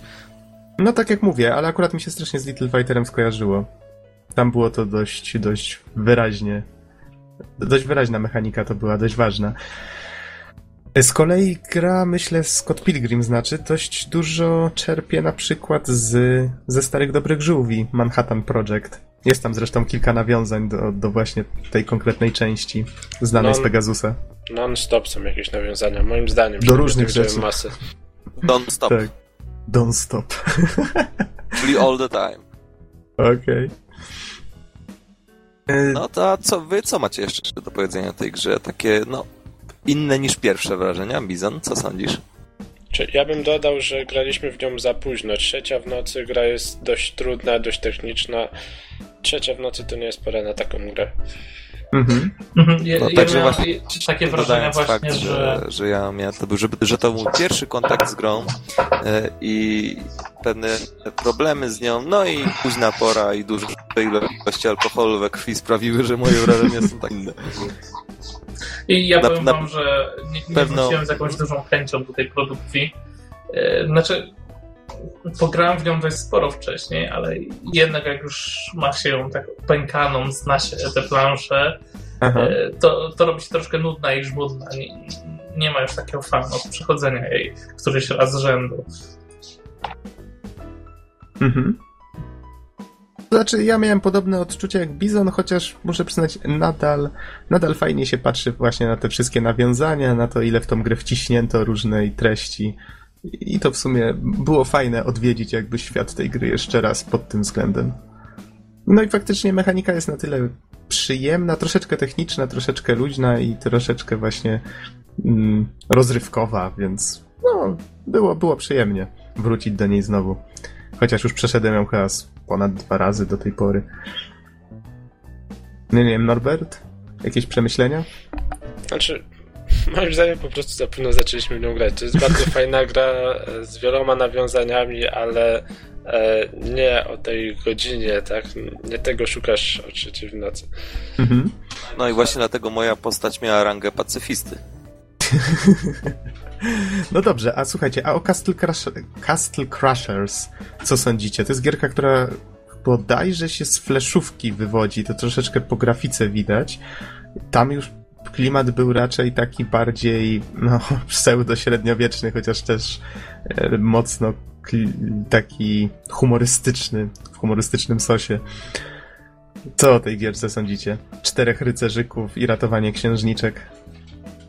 Bardzo fajna, w sensie taka chilloutowa, tak, bezstresująca i można tam gdzieś dużo jedzenia. Na czas, które polega na tym, że się naciska dwa przyciski na zmianę. A, ta minigierka z tak, menu. Tak. No, szybko okazało się, że jestem bezkonkurencyjny, więc już nie chcieliście ze mną grać w to. No byłeś, dobra. Nieważne. Jak robot. Nie, nie o to chodzi. Nie no okay. wiesz, Nox, już w tym graniu już jesteś nielubiany. O, nie, znowu. po prostu jak, jako jedyny piłeś soczek, no. Ej, come on. No dobra, niech będzie. Prawie jak doping. E... No ale co, co o samej grze sądzicie? No minigierki jak minigierki. A mnie się wydało, że ona, wiecie, nie była techniczna, tak jak, tak jak właśnie Scott Pilgrim, chociaż troszeczkę jest techniczny, a tutaj jednak, no nie wiem, staliśmy wszyscy w jednym miejscu i naparzaliśmy tymi mieczami i to w sumie wystarczało dość często. Y, Nox, właśnie jeszcze nie. W moim przypadku doszedł jeszcze jeden problem, konkretnie dopchać się do przeciwnika. To, to był naprawdę poważny problem. Hmm, o jakim przypadku mówisz? Y, ano takim, że tak rycerzy szarżą, Adon próbuje biec i, i trzeba się dopchać do przeciwnika. Tak to wyglądało przynajmniej z mojej strony, że ostatecznie był to taki bieg, kto więcej zabije i kto szybciej. No i ostatecznie też gra y, ma problemy te same co Scott Pilgrim, czyli z tą tolerancją No i ostatecznie jednak jakby nie było tych ciosów. W Little Fighter, no to jest jednak sama liga wciąż. W Little mhm. Fighter y, czuć te ciosy, czuć jak postać atakuje. Natomiast tutaj, tutaj jednak tego nie było czuć. I, I, w związku z powyższym, no jednak mimo wszystko, y, ja bym się na tą grę nie pokusił. E, chyba, że, że jakoś tam bym sobie tam spróbował jeszcze raz na spokojnie jaka. Natomiast y, trzeba ją pochwalić na pewno za tak, niesamowity klimat. Jeśli się przyjrzymy, to ostatecznie tak, grafika jest dosyć prosta, ale naprawdę bardzo dużo się dzieje. Na przykład, no nie wiem, jacyś żołnierze mm, w tle, którzy walczą, drabiny, które, e, które są wrzucane na mury, albo chociażby, no nie wiem, jeden żołnierz, który, e, który reanimuje drugiego rycerza. Tmaczków jest cały czas całe mnóstwo i, i naprawdę za to należy e, pochwalić twórców. I to wszystko z taką zwariowaną, się... zwariowaną kreskówkową oprawą, prawda? Tak, i, i, bardzo mi się spodobał ten twist fabularny, kiedy nagle okazało się, że sami między sobą musimy walczyć jak księżniczkę. tak, i to na końcu pierwszej misji. No dokładnie, to tam z tego co kojarzę, to jest właśnie taka część mechaniki pod koniec każdej misji. E, a, jeszcze żeśmy w sumie tryb areny wypróbowali, troszeczkę żeśmy między sobą walczyli. To też taki w sumie fajny smaczek. Mhm. Tam się okazało, że są jeszcze jakieś czary, że są te... No to widziałem, że tam Bizon już o, tą gierkę faktycznie dość mocno sam e, tak, ale sama powiem wam, że bardzo, bardzo e, męcząca, bo e, nie wiem, może ja nie potrafię grać, ale po prostu momentami była bardzo trudna i ja musiałem dość długo levelować postać, żeby móc iść dalej i powtarzać te plansze. Aha. Więc, więc e, nie było jakimś takim mega e, radowy z tego, chociaż faktycznie strasznie jest fajna stylistyka. I natomiast uważam, że gra troszkę mniej cierpi na ten problem co Scott Pilgrim i jest troszkę łatwiej trafiać w tych przeciwników na szczęście. Okej, okay, to panowie, przechodzimy w takim razie do zombiaków. Nie no, wiecie co, może skoro już y, przerobiliśmy mhm. walkę na, na pięści, krzesła i różne inne tego typu przedmiotu, przedmioty, potem przerzuciliśmy się na miecze, a co sądzicie na lizaki i piłę mechaniczną? Czyli jednak na zombiaki. No bo cztery gry żeśmy tutaj opędzlowali w sumie z, z zombie i to wspominasz o Lollipop Chainsaw, tak? Dokładnie. Oh my god. Szczerze mówiąc, musiałem zobaczyć tę grę w akcji. Y Nadal nie jestem pewien, czy chciałbym ją przejść w całości, ale no jest dość nietypowa, przyznacie sami. Mhm. Zdecydowanie. Kto chciałby trochę ją tutaj bardziej opisać? Kto odważny? Um, znaczy ciężko jest ją opisać słowami, tak? Generalnie komiks z lat 60. połączcie z słodziutką 18-letnią cheerleaderką, która biega z piłą mechaniczną i sieka zombiaki. W stylu e... jeszcze troszeczkę z takich filmów klasy B. Taki high school music. Trochę, trochę tak. Ale, znaczy nie to, żeby to był, ale, ale ostatecznie właśnie takiego amerykańskiego koledżu są bardzo mocne tam. Czy, mm -hmm. Tak, tyle co pograłem sobie chwilkę na początku gry, też warto zaznaczyć, że wiecie, w sumie żadne prawie z tych, o czym tu mówimy, to nie są recenzje, takie wszystko pierwsze wrażenia, ale e, mechanika walki wydawała się niestety cierpieć. I to tą grę na początku przynajmniej e, troszkę zabijało, że owszem, fajnie sobie pobiegać, ale mm, no jakby mechanika była dość, dość taka sztywna i toporna. Mhm. Nie wiem, ja trochę pograłem, nie było aż tak źle z tą mechaniką. Pewnie później się to troszeczkę rozwija, mnie jakoś tak czegoś zabrakło akurat pod tym względem. Ja wiem, że tam później się pojawiają pewnie jakieś strasznie zwariowane wątki. No, chociażby jak to, no nie wiem, ta, ta, ta głowa chłopaka przypięta do pasa, tak, która nawija z nami bez przerwy, ale do tego żeśmy akurat nie doszli, więc wcale nie byliśmy tak daleko. E, no i myślę, że ten zwariowany klimat tam sporo to daje faktycznie na plus. Nie, my tak żeśmy troszeczkę liznęli tylko z wierzchu. Bo to tak, była taka ekscytacja. Liznęliśmy lollipop. była taka ekscytacja, masz tą grę, wkładamy, startujemy, gramy, nie? A potem tak w sumie bardzo szybko ją zmieniliśmy. Ja ją pierwszy raz widziałem, bo wcześniej po prostu leżała na półce I mhm. troszkę się rozczarowałem pod kątem grafiki. Faktycznie jest dość, dość, dość słabo i takie ziarno wszędobylskie mi mocno przeszkadzało, pamiętam. Ten filtr, to było, tak? To było po kilku whisky, więc, więc może też wrażenia były zaburzone. Znaczy właśnie spodziewa... myśleliśmy, że ze względu na ten zwariowany klimat będzie to taka dobra imprezowa gierka, ale jakoś tak, nie wiem, szybko żeśmy się nią znudzili pod tym względem. Chociaż nadal, nadal bym zobaczył właśnie, jakie tam zwariowane pomysły się później pokazują, ale to może kiedyś będzie okazja. No właśnie, może żeby trochę uwypnąć, ile zwariowana jest ta no to generalnie rzecz biorąc, y, bohaterka jest tą czyli liderką, chodzi w krótkiej spódniczce z piłą mechaniczną. Y, to nie jest, to nie, to jest dosyć niecodzienny widok. Y, natomiast Noxu, ty chyba wspomniałeś o tym, że jest, jest jakiś achievement konkretnie, żeby poruszyć kamerą tak, żeby jej zajrzeć pod tą spódniczkę. Tak, to Bizon, Bizon nam sprzedał taką plotkę i potem wszyscy próbowali. No, no, no jest tak. Właśnie sęk w tym, że się zakrywa. Podobno da się to zrobić, bo jest zatoraczek. Ale to musicie, widzę, widzę, że musicie przyjść na, na dłuższe posiedzenie, żeby to ogarnąć. To nie było takie może proste jakiś, Może jest jakiś jeden moment, w którym można to zrobić, czy coś.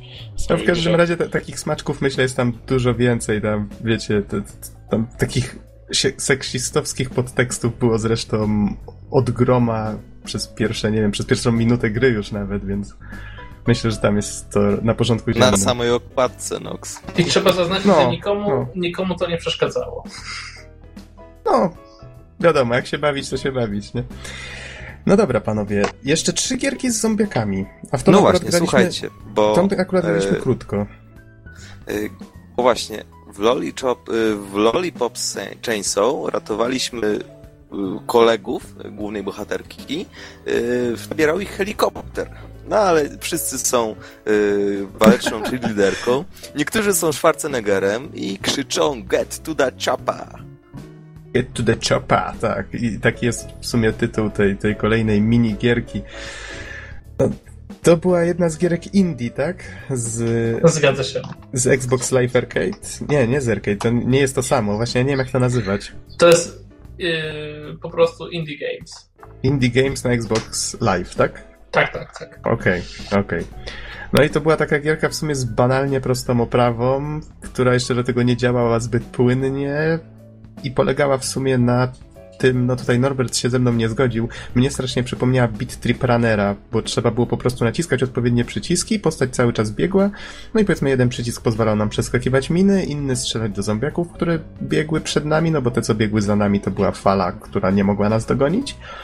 I w sumie był jeszcze gałka w dół, czyli schylenie się przed jakimiś tam pociskami. No i żeśmy sobie zrobili taką chwilową kilka rundek, żeby zobaczyć, kto dobiegnie dalej. Ujmę to tak, jeżeli chciałbyś to porównać do Beat Trip Runnera, to trochę tak jakbyś, nie wiem, porównywał 13-zgłoskowiec e, Mickiewicza do jakiegoś 13-zgłoskowca, jakiegoś nastolatka, gdzie występują niezbyt górnolotne treści, że to tak ujmę. E, bo powiedział, że byś powiedział, że i tu, i tu jest 13 zgłoskowiec, tak? Okay. To i ja wrzucę swoje trzy grosze. Znaczy, generalnie rzecz biorąc, y, nastolatek na pewno nie, nie napisałby niczego fajnego w 13 zgłoskowcu, a nie w ogóle w 13 zgłosku. Y, natomiast y, ja jestem jednak skłonny poprzeć stronę Noxa, dlatego że owszem, bardzo uboga, bardzo okrojona i bardzo pierwotna, mówiąc delikatnie, ale jednak mechanika z Beat Trip Runnera. Nie, nie, nie, nie, nie, nie, nie. Słuchajcie, tam macie całe plansze, które się, wiecie, zmieniają, e, tworzą pewien taki układ. Tam skacząc tworzycie muzykę, tak? I, i to jest jakby jeden z, z, najfajniejszych aspektów tej gry. To jest sztuka. Tak, tak, Nox, tak, tak Geksen, tyle, że, tyle, że yy my tutaj z Noxem prawdopodobnie myślę, że się zgadzamy, mówimy o tym samym. Raczej próbujemy przeforsować samą mechanikę grania, czyli odpowiedniego omijania przeszkód. I powiedziałem, y, w przypadku Get to the Chopa jest to bardzo pierwotny mechanizm i taki, no nie wiem, y, prehist w porównaniu stopniu do, do Beat Trip Runnera, który tak. słusznie, słusznie jest naprawdę świetną grą. Tak, to jest taka no prehist tak. prehistoryczna wersja, dokładnie. E, Ale, no, no tak jak bardziej... mówisz, że, że, poza mechaniką, która jest trochę podobna, ale też ma pewne, to, to już nie chcę tego rozbijać, nie ma nic wspólnego ta gra. Nic. Tak. Dlatego, tak. dlatego słuchajcie, tak. nie ma się co nad nią dłużej rozwodzić, bo to taka typowa minigierka, w którą się gra, nie wiem, w przeglądarce, co nie? Yy, za co za... Ale śmieszna i przyjemna, to trzeba zaznaczyć, że fajna stylistyka. no być mi może. Mi się podobała, zresztą kupiłem ją, więc... Więc musiała, cię, czy, musiała cię czymś zachęcić, no. Tak, tak, rozśmieszyła mnie, kosztowała jakieś tam grosze i... Aha. A, a powiedz, co cię zmusiło do kupienia I made a game with zombies in it?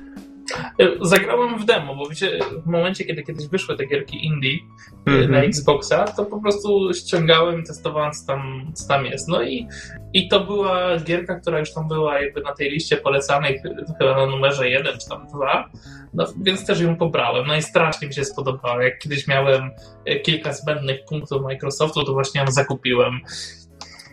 I to jest ewidentnie Wiesz co, Bizon? dziesiątkę. Tak. Mnie trochę ciekawi, jak można okroić do dema coś tak prostego? I krótkiego. E, czasowo, po prostu czasowo, do, do, do minuty chyba. I, ile przejście tej gry trwa? Bo może inaczej. To jest. Tym razem mówimy o grze, w której kamera pokazuje od góry miejsce akcji. Kierujemy sobie postaciami. Nie, nie, nie wiem, czy to nawet ten gatunek ma jakiś swój swoją nazwę i zewsząd spawnują się przeciwnicy i po prostu my celując na wszystkie strony musimy się wybraniać przed nimi. I to temu wszystkiemu towarzyszy piosenka, która właściwie zaczyna się wraz z rozpoczęciem rozgrywki i musimy dotrwać do jej końca. I w trakcie dzieją się tak dziwne, różne rzeczy, nie tylko zombie zresztą. Poza tym ekran, no nie wiem, jeżeli macie epilepsję, lepiej w ogóle nawet nie kontaktować się z lekarzem, po prostu nie grać w tę grę. to tak dziwne tam. Powiedzmy, że autor postanowił, że, że gigantyczne pikselowe słowa będą się wyświetlać yy, do karaoke i, i że cała gra będzie taką jedną wielką wizualizacją. W sumie tak, zombie, strzelanie, zmieniające się tło, karaoke, milion barw naraz, tak, tak, to w sumie tak. Tak. I w zasadzie gra, gra też wygląda na taką flaszówkę. I trwa jakieś, no nie wiem, 20 minut, coś koło tego. Nie. 15, 15. Już mam soundtrack z tej gry i, i zajmuje 15 minut. E, nie wiem, czy, czy, na Xboxie też to jest. Ja tę grę ściągnąłem na, na, telefon dodatkowo, bo się w nią nie zakochałem po prostu. E, na, na, telefonie dodatkowo mam e, jakiś tryb wikinga, gdzie trochę jest inna rozgrywka, po prostu jest się wikingiem i się broni takiej ciągle rosnącej wieży. E, I na dodatek można sobie ustawić sprite ze zdjęć e, zamiast zombiaków, czyli planuję właśnie, już to zacząłem powoli robić, wrzucić wasze zdjęcia i, i strzelać do was zamiast do zombiaków. I jesteś uroczy. Dzięki. Oż ty, jesteś upajny. No to myślę, że ogólnie słyszę po głosach, że ta gra wam się podobała. Tam, tam, tam, tam nie ma co się nie podobać. Nawet to, bardzo. To jest, to jest tak dynamiczne, że... że... Znaczy, może... znaczy, ja bym dodał w wymaganiach sprzętowych butelkę jakiegoś alkoholu. tak, tak, wtedy to, to jest 10 na 10 i ja bym jeszcze dorzucił, że w sumie jeżeli, jeżeli chcecie grać samemu, to, mm, to gra jest króciutka, tak?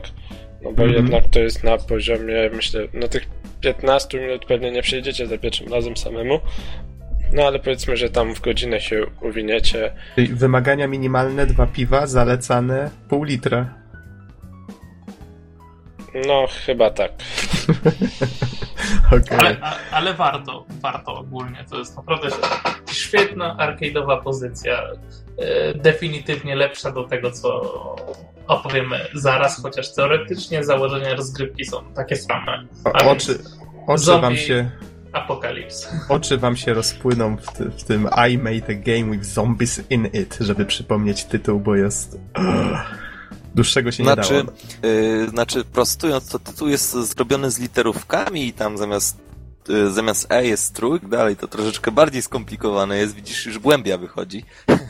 No tak, tak, dokładnie. Ale przejdźmy do tego, o czym wspomniał Bizon, czyli Zombie Apocalypse, yy, a podtytuł to było? Do Not Die Alone? E, chyba tak, chyba tak. Może nawet sobie zapiszę. A wy w tym czasie powiedzcie, o co właściwie chodzi? To jest gierka, która też niby założenia ma bardzo podobne, chociaż już no, grafikę ma ładniejszą, dużo ładniejszą. Miała taki rzut troszeczkę izometryczny.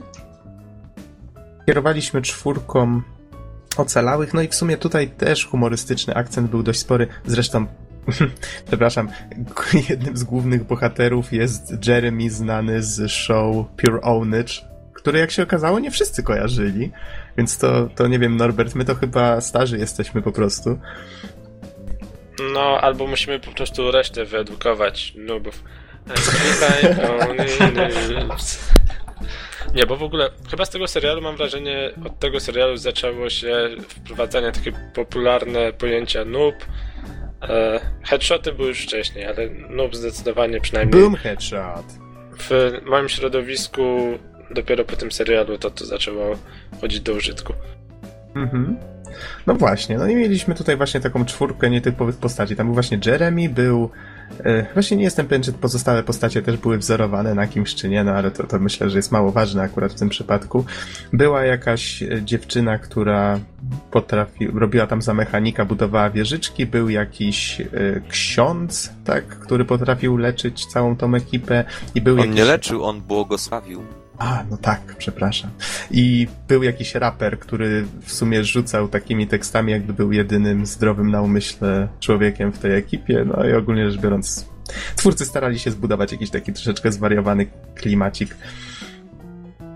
I to chyba była jedyna rzecz, która tę grę próbowała wyróżniać. No, cała reszta to było takie typowe, wylatują różne zombiaki, tam jedne eksplodujące, inne zwykłe. To, co w sumie było fajne, to to, że musieliśmy się nauczyć współpracować, żeby przeżyć, bo okazało się, że gra podzielona na 10 etapów kazała nam zaczynać każdy z nich od początku, jeżeli w nim zginęliśmy i szybko się okazało, że musimy korzystać z jakichś umiejętności specjalnych, że... I tak po piątej próby, ej, dobra, dobra, teraz się staramy, tak? no dokładnie, dokładnie. W pewnym momencie zaczęło nam zależeć i, i nawet jak, jak już żeśmy się przestali tak wygłupiać na zasadzie, że każdy idzie sobie, strzela sobie, tylko faktycznie próbowaliśmy współpracować, leczyć się, stawiać te wieżyczki, czy y, raper rzucał boomboxa, tak? I wszystkie zombiaki zaczynały tańczyć. No, dokładnie. Co to była za... disco, disco. To była za piosenka, która leciała. Ech, kurczę, nie pamiętam już. Ty, ale ja miałem tego słuchać. E, zaraz Miałeś na pewno... grę stworzyć człowieku z tym. You don't really wanna hurt me? Ah, do you tak. really wanna hurt me? Do you really wanna make me cry? Dobra, kończymy. Tak, tak, to dokładnie to. No, wszystkie zombiaki zaczęły teraz tańczyć, Norbert. Gratulacje. Um, to było to. Tak, zgadza się. No to korzystaliśmy... Czego ja tańczę teraz? Nie wiem. Dobra, nieważne. Pomijmy ten temat. Mm, no i to właściwie co jeszcze się da o tej grze powiedzieć? Właściwie na przemian były etapy takie liniowe i takie, w których trzeba było się wybraniać, czyli właściwie na zasadzie ojej, nie chciało nam się zrobić etapu, zrobimy arenę i będziemy się wybraniać tutaj przez 10 minut. Bizon mówił, że poprzednia część tej gry się składała tylko z takich etapów, tak? Tak, tak, ale były chyba troszkę fajniej zrobione te areny. Ładniej przede wszystkim. Okej. Okay. No i powiedzcie, jak, jak, wrażenia? Fabularnie to cienizna, oczywiście. Tam trochę było humoru od czasu do czasu, do takiego niezbyt górnolotnego. No ale chyba gameplay starczył, żeby tę grę raz przejść, nie? Znaczy, powiem ci, że yy, kiedyśmy każdy sobie żebrował, było mhm. tak zupełnie przeciętnie. Natomiast kiedy zaczęliśmy współpracować, już było trochę lepiej, ale i tak mimo wszystko Y, nie wiem, jakby ja przynajmniej y, już na siódmym, ósmym poziomie zacząłem się poważnie nudzić. Aha. Znaczy, mnie do gry motywowało najbardziej e, te teksty Jeremiego, tak, którego kojarzyłem. I, I, dalej trzymał ten, ten swój styl i ten klimat, i to było całkiem spoko. Mhm. Ja no jeszcze, jeszcze, dodam, że, jeszcze dodam, że można było bronię ulepszać. Tak, i tam w sumie mały twist. Bronie czy umiejętności specjalne też. No, Bizanie, kontynuuj proszę. Ja powiem właśnie, że gra mi się podobała, odkąd zaczęliśmy współpracować co do samego końca. Aha. Że, że fajnie się strzelało, właśnie dlatego, że wiedziałem, że jak ktokolwiek coś spieprzy, to zaraz zginiemy wszyscy. No, I, czasami się zdarzało. I, i, I to chyba było najfajniejszym właśnie elementem, że że nie było aż tak bardzo luźno w tej grze, tylko trzeba było się troszkę spinać. Ale mimo wszystko, wiesz, mnie zdziwił nierówny poziom trudności. Końcówka wbrew pozorom była banalnie prosta w porównaniu z niektórymi akcjami wcześniej. Nie, mhm, mi się wydaje, tak. że wcale nie, nie była dużo prostsza. Moim zdaniem byliśmy już na nią przygotowani. Może, ale nie, nie jestem, nie, wiesz, nie jestem przekonany. A kto was ratował, jak, jak coś poszło nie tak? Father Billy. No tak, Don, dziękujemy ci bardzo, ojcze. Um... Ale chyba faktycznie dopiero teraz doceniłem to, że tam był duży, duży nacisk na współpracę położony. Każdy mhm. miał coś takiego, że, że, że jakby potrafił uratować tą sytuację, kiedy trzeba było. Mhm. Ale przyznasz, Don, że Left 4 Dead nadal jest bezkonkurencyjny. Oczywiście. A, jako jako y, gra z czterema postaciami i całą hordą zombie, którzy nas atakują, no to Left 4 Dead jest prawdopodobnie najlepszą grą na świecie. Yep. I approve this message. Probably best y, beer game in the world. Okej, okej. Okay, okay. To starczy już może tych zombie. Faktycznie było tego sporo. E, zostały nam właściwie trzy, a właściwie dwie gry, bo Halo Reach to... Halo cóż, Reach to jest legenda. To jest legenda. Tego. Tak. Dlatego włożyliśmy płytę legendy, weszliśmy do menu, zorientowaliśmy się, że nie da się grać na czterech, I na dwóch. wyłączyliśmy. Tak, i pozostała legendą. No, to, to by było na tyle, jeżeli chodzi o Halo Reach. Ale chcieliśmy, próbowaliśmy, naprawdę, staraliśmy się. Y, tutaj żarty żartami, ale Bizon oczywiście tę grę, nawet w jakimś, z którymś z pierwszych odcinków, żeśmy mieli, jeden z pierwszych odcinków podcastu poświęciliśmy całej serii Halo i, i pamiętam, że tam właśnie Bizon i jeszcze mieliśmy ja chyba nawet byłem w tym odcinku, no, rozmawialiśmy właśnie też o Halo Reach. Ja nie grałem, wiem, że Bizon na pewno przeszedł. E, to nie ja, że... ja mi głupio, że nie nadrobiłem ostatnich dwóch części, czyli Halo Anniversary i, i, i czwórki. Muszę coś z tym zrobić. No, musisz coś z tym zrobić. Czekamy na recenzję, Wizonie. Zostały nam, panowie, dwie gry. Czyli DJ Hero, no i na ostatek demko Metal Gear Rising. To myślę, że od DJ Hero możemy No zacząć. właśnie, generalnie myślę, że gra była bohaterem wieczoru, zresztą na co wskazuje sam tytuł. Mhm. w momencie, kiedy wszyscy już byli troszkę zmęczeni, nie, to uratowała, sytua uratowała sytuację, nie, i podniosła nas. Zdecydowanie. Nagle każdy stał się DJ-em we własnym domu. Czy może tak, warto zaznaczyć, że gra ma ten sam efekt co Guitar Hero, czyli kiedy wiecie, nie umiecie grać na gitarze, tak, ale dostajecie tam taką plastikową gitarę, gra muzyka i wy naciskacie te, struny, troszeczkę pseudo struny w rytm, to tutaj podobnie możecie poczuć się jak DJ, tak, zamiast jak gwiazda rocka, no to jak taki prawdziwy DJ. E, no i to jest w sumie genialne, tak. Całkiem fajnie się to sprawuje. E, jak było widać, E, jak się trochę jeszcze ludzie wczują, no to w ogóle można jak się widać świetnie na bawić. materiałach tak, tak. zdjęciowych. na kompromitujących materiałach zdjęciowych. Because we are all special. Yep. E, było, było bardzo fajnie. Jak się zbuduje wokół tego taką, taką sympatyczną otoczkę i, i impreza się rozkręci, to faktycznie taka gra robi swoje, bo to i wszyscy wokół się bawią, bo słuchają muzyki. I ta osoba faktycznie, która, która korzysta właśnie z tej, nie wiem, to się konsoleta nazywa? Mhm, tak. To, to też faktycznie dobrze się bawi. Tylko, że yy, fajnie, że ona ma tyle poziomów trudności, bo graliśmy w sumie na easy w większości przypadków, bo to faktycznie nie wymagało zbyt dużo zbyt dużo gimnastyki, a przy okazji sprawiało, że ta muzyka, która jak się popełnia błędy, to ona wtedy nie brzmi tak dobrze, bo tam traci jakieś ścieżki.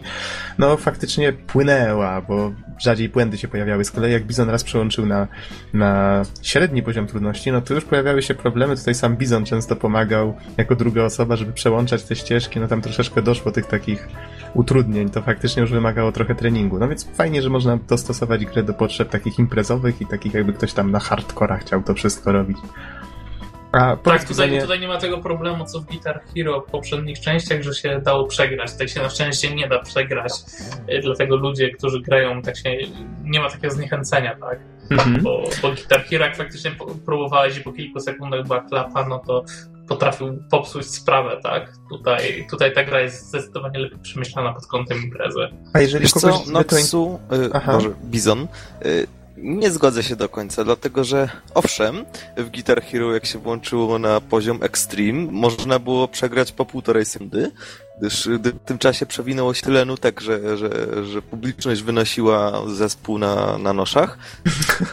Natomiast czy, czy na taczkach ze, ze smołą i pierzem. Natomiast y, zauważmy też, że ktoś, kto początkuje, nie ustawi gry na Ultimate y, Hardcore Extreme, tylko ustawi na Easy albo na Medium chociażby.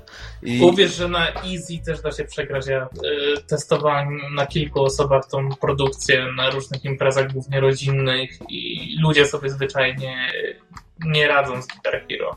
Znaczy, na początku. Co, przynajmniej mi nie sprawiało to jakichś większych trudności. Ja grałem na odwróconej klawiaturze, a nie na gitarze.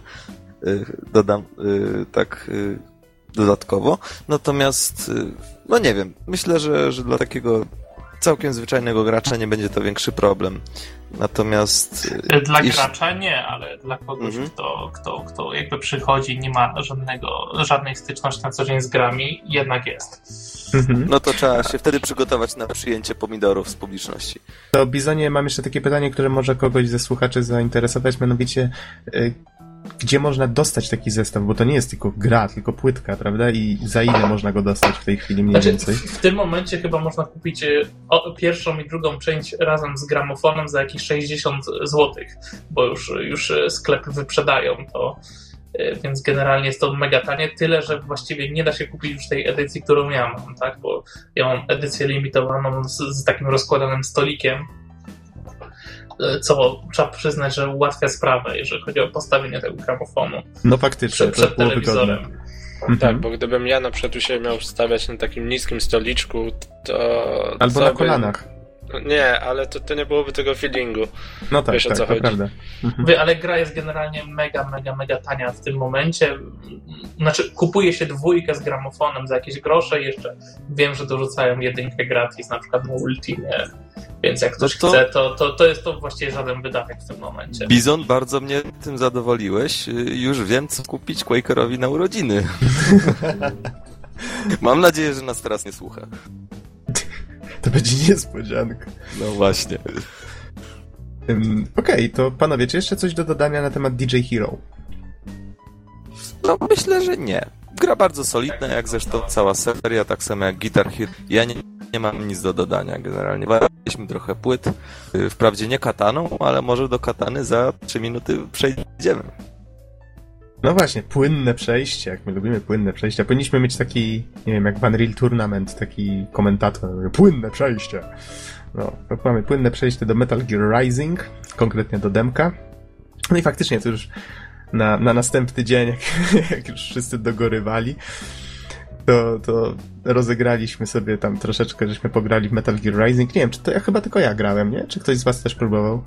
Chyba tylko ty. Chyba tylko ja.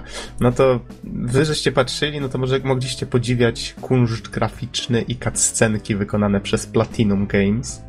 Co o nich sądzicie? Z ciekawostek oglądałem dzisiaj recenzję Kułaza i Kułaz powiedział, że gra wygląda jak z początku generacji. Coś mi się chyba pomyliło.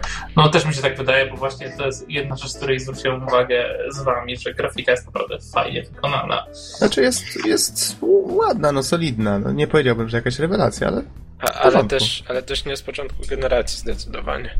No, to, no jeżeli użył takiego stwierdzenia, to faktycznie troszeczkę przegięcie mi się wydaje, ale wiecie, w pełną nie grałem, nie? E, z kolei, z kolei gameplay, bo myślę, że to jest tutaj najważniejsze, tam grafika grafiką. Ale fajnie udało im się, no Platinum Games, Kaman, goście, którzy zrobili Devil May Cry wcześniej, teraz e, w tym, w tym nowym studio zrobili przecież e, Bajonetę, no to to się nie mogło nie udać, prawda? No i faktycznie zrobili to fajnie. Podobało mi się to, że grając na normalu, chyba tak, zginąłem kilka razy w tej grze i, i to mnie motywowało do tego, żeby nauczyć się lepiej mechanizmów, które nią rządzą. To całe bieganie, unikanie. Właśnie dziwiło mnie to, że nie można tam na przykład cały czas blokować. Nie można, znaczy uniki jakieś tam były, takie dość niewielkie.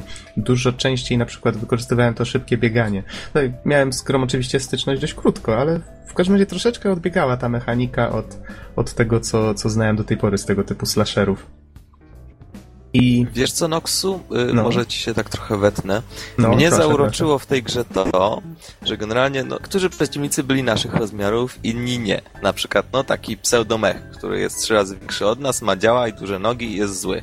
Gekko, tak. Generalnie rzecz mhm. biorąc, zauważyłem, że tak maszując przycisk y, próbując atakować jakimś podstawowym y, ciosem, no to wiele nie dawało. Tak, tak, ta, ta, takie akcje byłyby długie i, i po prostu nieefektowne i nieefektywne. Natomiast to zauważyłem, że po prostu po opanowaniu kilku chwytów można było tu skoczyć, tam skoczyć, uruchomić dosłownie jakiś quick time event, czy jakąś fajną animację, spowolnić czas, mhm. ułożyć kąt y, ciosu tak, Cięcia. żeby mhm kąt cięcia, tak, żeby, e, żeby przeciąć jeden punkt i po prostu albo mu się odcinało albo nogi, albo cały sam szedł w kawałki, więc, więc widać faktycznie, że technika ma tutaj duże, e, duże znaczenie, a i też trzeba przyznać, że, e, że grę całkiem przyjemnie się oglądało. Tak, to, to fakt, że to mi się właśnie nie spodobało, że musiałem nauczyć się w nią grać, żeby w niej wygrywać. Nawet ten boss, który kończył demko, który przy okazji robił pieruńskie wrażenie, taki yy, robo-wilk, jakby Myślę, że ludzie, którzy grali w Metal Gear Solid 4, to wiedzą, jak go sobie wyobrazić. Mm. No, no, to faktycznie ta walka robiła wrażenie, nie była wcale taka prosta na początku. Musiałem się nauczyć parować i właśnie tutaj te, te robić bloki, które nie są tutaj takie proste do wykonania, jak chociażby y, w kilku innych grach tego typu. Mm. No, mówię, piruńsko efektowne to wszystko jest, jest, nie jest wcale takie proste i no, sprawia dużą satysfakcję. Przy okazji jest bardzo fajne wizualnie pod, pod tym kątem robi to wrażenie. E, no i właśnie to, o czym wspomniałeś, ta fajna mechanika, która tutaj teoretycznie jest dość ważna, czyli, czyli to możliwość ułożenia kątu cięcia. Możemy najpierw wybrać płaszczyznę, czas zwalnia, e, możemy wtedy wykonać cięcie w, dany, w daną stronę i jeżeli celujemy w odpowiedni punkt, to wtedy możemy z tego cyborga właśnie, czy z tego robota, którego żeśmy rozwalili, możemy wyciągnąć jakieś tam jakiś tam komponent i, i wchłonąć z niego energię. No całkiem fajne to jest, można w powietrzu właśnie tak wyskoczyć i, i takiego gekko spróbować przekroić właśnie na pół, jeżeli już jest osłabiony. Mm, to też jest bardzo efektowne. To myślę, że to jest słowo klucz w przypadku tej produkcji. Dobrze, czy chcecie coś dodać jeszcze na ten temat, czy... Czemu on biega w obcasach? Żeby móc chwycić nogą katanę, to już żeśmy ustalili. Sounds logic. Sounds logic. On jest okay. tak świetny, że kopie kataną. On to Raiden, tak swoją drogą. E, chwileczkę, a, a, a kto to to? Asia powiedziała, że ej, to jest mężczyzna? Tak? Dobrze pamiętam? Tak, ja się zastanawiałem, czy to jest mężczyzna. No cóż, japońska produkcja, nie? No tak, Raiden to, to on zawsze miał takie problemy od, od drugiej części. Metal Gear Solid. Z tożsamością? Eee, znaczy on nie miał problemów. O, odbiorcy, Inni mieli. Odbiorcy mieli, tak. No dobra, ale to, to myślę, że temat na inny raz. Dobrze, panowie czas kończyć. Powiedzcie, ogólnie rzecz biorąc, rozumiem, że było ostro i fajnie. Dużo tak, się no działo. Zjazd, zjazd moim zdaniem całkowicie udany. Y, przerobiliśmy całą masę gier, y, bawiąc się przy tym całkiem dobrze. No, może mhm. W moim przypadku wyjąwszy Scotta Pilgrima, ale myślę, że gdybym poszedł z nim na piwo jakś tam i trochę dłużej posiedział, to, to, to bym się do niego przekonał. Także, no jak dla mnie oczywiście wrażenia całkiem pozytywne. Mhm. Y, skoro jeszcze cały podcast spędziłem y, gadając o tym, no to myślę, że to mówi, czy Don mówi sam za siebie, tak? Don mówi sam za siebie. Okej. Okay. No dobrze, panowie. Fajnie, że fajnie, że była okazja się z wami ponownie spotkać. Fajnie, że udało nam się zagrać w tyle gier. No i przy okazji, zobaczcie, tyle pierwszych wrażeń. Chyba chyba ze zlotu na zlot coraz więcej tych gier nam przybywa w tym pozlotowym podcaście, co? Tempo nam wzrasta. Następnym no, razem... Ten był chyba wybitny zjazd. Następnym razem trzeba się spotkać na jakiś, na jakiś długi weekend trzeba się spotkać. To wtedy to wiecie, maraton jeszcze 10 razy tyle będzie. No wtedy albo kons napadnie, albo my. Zgadza się. Już wtedy nie ma kompromisu. Dobra, panowie, myślę, że czas skończyć. W takim razie dziękujemy bardzo naszym słuchaczom za słuchanie i do usłyszenia w następnym podcaście. Trzymajcie się. Do usłyszenia. Jo. Na razie.